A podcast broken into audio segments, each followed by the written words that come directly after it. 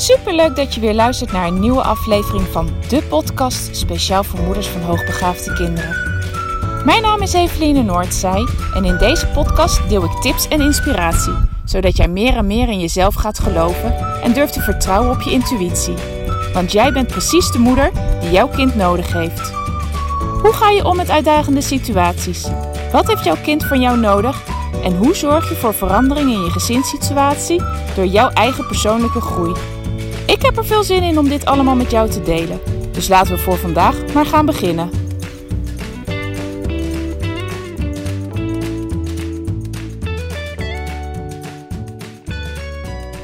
Ha, lieve luisteraar. Leuk dat je er weer bij bent. Woensdag is altijd mijn werkdag, dus ik ben nu de hele dag aan het werk geweest op mijn praktijk. En ik denk dat het geluidskwaliteit mega slecht is, want ik loop hier midden in de wind. Ik ga hem even beluisteren en kom straks bij je terug. Momentje. Nou, voor wat ik ervan kan horen valt het reuze mee, dus ik ben weer terug. Ik loop gewoon door en ik uh, neem een podcast op. Ik beluister hem altijd achteraf nog even. Gewoon omdat ik wil weten, wat heb ik nou eigenlijk precies gezegd? En dan hoor ik vanzelf of het inderdaad klopt dat de geluidskwaliteit oké is. Maar woensdag is dus altijd mijn werk, werkdag. Dat is de dag uh, dat mijn man thuis is voor de kinderen en ik, uh, ik mijn ding kan doen. En vandaag had ik het zodanig gepland dat ik uh, maar één consult had. Ik had een intakegesprek voor een EMDR-consult voor een kindje. Dat was op het eind van de dag. Dus de rest van de dag had ik eigenlijk ingepland voor mijn administratie. Het bijwerken van alles wat ik nog wilde. Achterstallige klussen. Nou, je kent het vast wel. Er is altijd nog wel wat te doen. Zeker als ondernemer. Uh, ja, blijft er altijd wel wat liggen waar je je tijd aan nog aan kan besteden. Maar mijn man die had een afspraak. Die is een tijd geleden heeft hij zijn uh, kniebanden verrekt. Misschien zat er wel een scheurtje in. Nou ja, in ieder geval had er veel last van. En uh, bij zijn collega osteopaat had hij een afspraak staan. Maar wat betekende dat hij had bedacht dat hij de kinderen dan wel even bij mij neer kon zetten. Nou ja, dat heeft hij ook gedaan. En uh, met als gevolg dat ze bij mij twee uur zijn geweest. En natuurlijk heb ik gewoon geprobeerd door te werken. Maar ja, dat is toch anders dan als je lekker alleen bent in je eigen ruimte. En ja, je wordt steeds gestoord. Tenminste, mijn kinderen kunnen niet twee uur lang even iets voor zichzelf doen. Ja, behalve als het een schermpje is. Maar uh, ja, dat vergt toch voor mij toch net even weer wat. En op het einde wilden ze weggaan. En toen was mijn hele kamer bezaaid met speelgoed. En toen kreeg ik ook nog een mailtje ja, met een teleurstelling te verwerken. Dus nou, alles bij al zat ik er even doorheen. En uh, ja, moest ik toch ook gewoon eventjes huilen. Mijn man kwam op dat moment net even binnen. En zag ik het even niet meer zo heel erg zitten. En dat heeft er ook mee te maken. Um, nou, en waarom ik je dit eigenlijk vertel, laat ik dat eerst doen. Omdat ik je wil meegeven dat bij ons ook niet altijd koek en ei is. En ik hoop ook niet dat dat het beeld is wat ik je meegeef. Want dat is helemaal niet het geval, weet je. Ook wij hebben onze dingen, onze issues, onze struggles. En momenteel is mijn grootste struggle van hoe ik het allemaal in elkaar kan passen. En uh, het gevoel continu eigenlijk tekort te schieten op alle vlakken.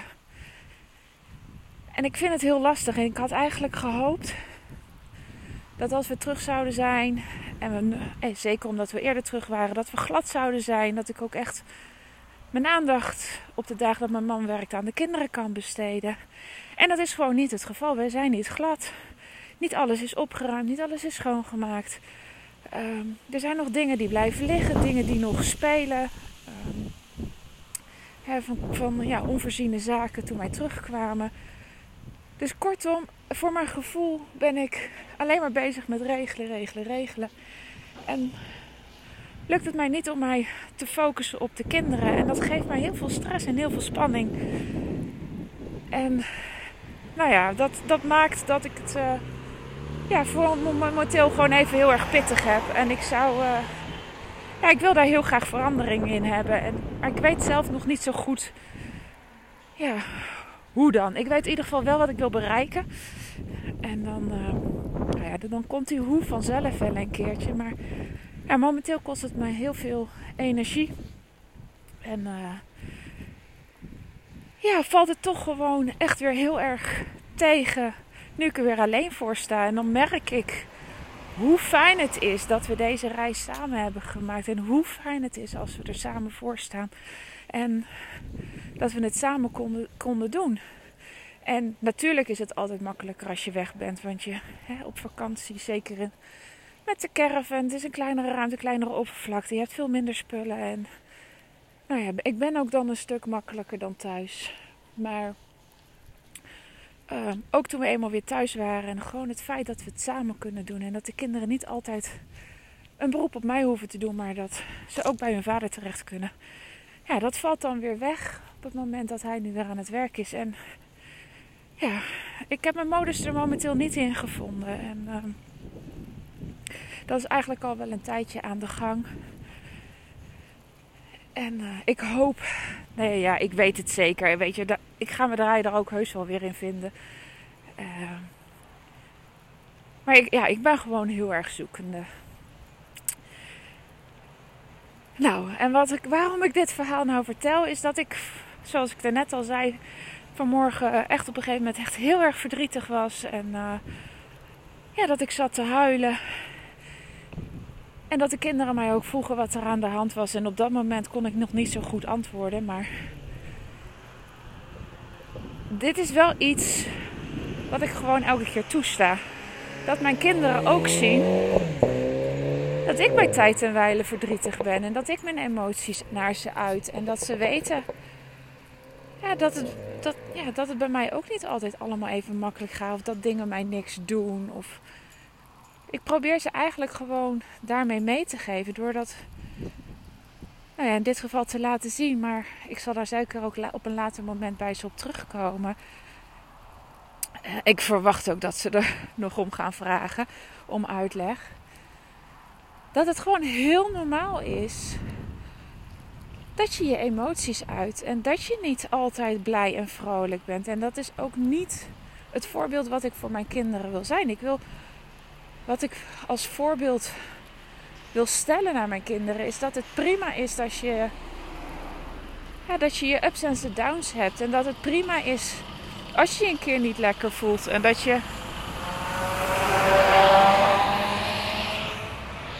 Ja. ik uh, loop bij ons in de omgeving van de praktijk en dat is op een bedrijventerrein. Dus misschien dat je het uh, ook wel hoort. Zo af en toe komt er een vrachtwagen voorbij. En dat terwijl het al echt aan het eind van de dag is. Maar dan nog. Maar ja, dat het gewoon heel normaal is voor hen. Uh, dat, dat, dat de gevoelens geuit mogen worden. En dat alle gevoelens oké zijn en dat ze er mogen zijn. En dat het niet iets is om je voor te schamen. En in het verleden had ik daar best wel moeite mee. En dacht ik, als ik boos was, oh dat kan niet. En ik moet het goede voorbeeld aan ze geven. En ja, verdriet, dat moet ik voor mezelf houden. En daar hoeven zij niet mee belast te worden. Alleen gaandeweg de tijd leerde ik dat ik het misschien wel niet zichtbaar kon uiten, maar dat zij het haar fijn aanvoelde. En dat ik het toch niet voor ze verborgen kon houden. En vanaf dat moment is er bij mezelf de knop omgegaan en heb ik gezegd uh, tegen mezelf van weet je, ik wil gewoon het goede voorbeeld voor ze zijn. Ik wil heel graag dat zij leren om met hun emoties om te gaan. En nou, de beste les die ik ze mee kan geven is dat als ik het ze zelf voordoe. En want, ja, dat, dat maakt ook dat ik gewoon vanaf dat moment naar ze ben gaan benoemen als ik het even pittig had. Dat ik het naar ze ben gaan benoemen als ik verdrietig was. Um, dat ik ze niet weghoud van moeilijke dingen. En dat ze ook mogen weten ja, dat, dat ze er voor mij zijn. En dat ik ze ook laat zien op welke manier ik daarmee omga. En ja, ik merk dat dat voor mij heel fijn is, want ik hoef me niet anders voor te doen dan ik ben. En ik merk dat zij daar heel veel van leren. Want dat is wel iets dat eigenlijk leren kinderen het meeste van voorbeeldgedrag. Je kan ze nog zoveel vertellen, je kan ze nog zoveel uitleggen. Maar wat ze zien, dat kopiëren zij. Dus op het moment, en dan spreek ik even voor mezelf, dat ik heel graag wil en heel belangrijk vind dat mijn kinderen leren omgaan met emoties. Dan zien ze dat aan mij en dan kopiëren ze. En als ik laat zien dat emoties er niet mogen zijn, dat ze opgekropt moeten worden, dat ze, dat ze niet getoond mogen worden, dan is dat ook wat ik ze uiteindelijk overbreng. En nou, dat is nou het tegenovergestelde van wat ik ze wil leren. En dat geldt voor jouw kind ook. En dat kunnen we breder trekken dan alleen de emoties. Hè? Want kinderen leren het meeste van het voorbeeldgedrag van hun ouders. Onbewust kopiëren ze jouw gedrag. En alles wat jij laat zien, dat slaan ze op. En dat gaan ze uiteindelijk ook vertonen. En ja, waarschijnlijk herken je het wel dat je af en toe denkt: Oh, ik hoor nu net mezelf praten. Of oh, dat doe ik ook altijd, die gebaartjes. Of, of die toon. Iets tegen die persoon zeggen. En dat is precies wat ik bedoel. Zij leren van jou. En door hier bewust van te zijn, heb je ook een mega krachtig tool in handen om bepaald gedrag te veranderen. Want als jij weet dat jouw kind jou kopieert, jou nadoet, en je wil, wil bepaald gedrag niet, vertoon zelf dan ook ander gedrag. En als je dat maar lang genoeg volhoudt, je eigen gedrag verandert en dat laat zien aan de kinderen, zullen zij mee gaan veranderen. Want zij kopiëren ook jouw nieuwe gedrag. Hallo. Dus dat is, ja, dat is wat ik je vandaag mee wil geven. Kijk alsjeblieft naar jezelf. Wat wil je je kinderen meegeven? Wat, welke dingen wil je je kinderen leren? En zorg dan dat jij dat gedrag zelf ook vertoont. Zorg dat jij het voorbeeld voor je kinderen bent. Dat zij jou kunnen nadoen. En ja, wat betreft die emoties, dat. Wees jezelf ook bewust van je eigen emoties. En ben ook je bewust van dat het omgaan met emoties, dat kinderen dat zullen leren van jou. En niet vanuit wat jij zegt, maar van wat jij, van, vanuit wat jij doet. Wat laat jij zien aan je kind? Nou, hier hou ik het bij. Ik ga mijn rondje nog even aflopen naar mijn werk. Ik heb nog het een en ander liggen. Wordt vanavond dus een latertje. Dat geeft niks. Ehm, het is wat het is. En ik uh, spreek jou morgen weer. Dankjewel voor het luisteren. Doei doei.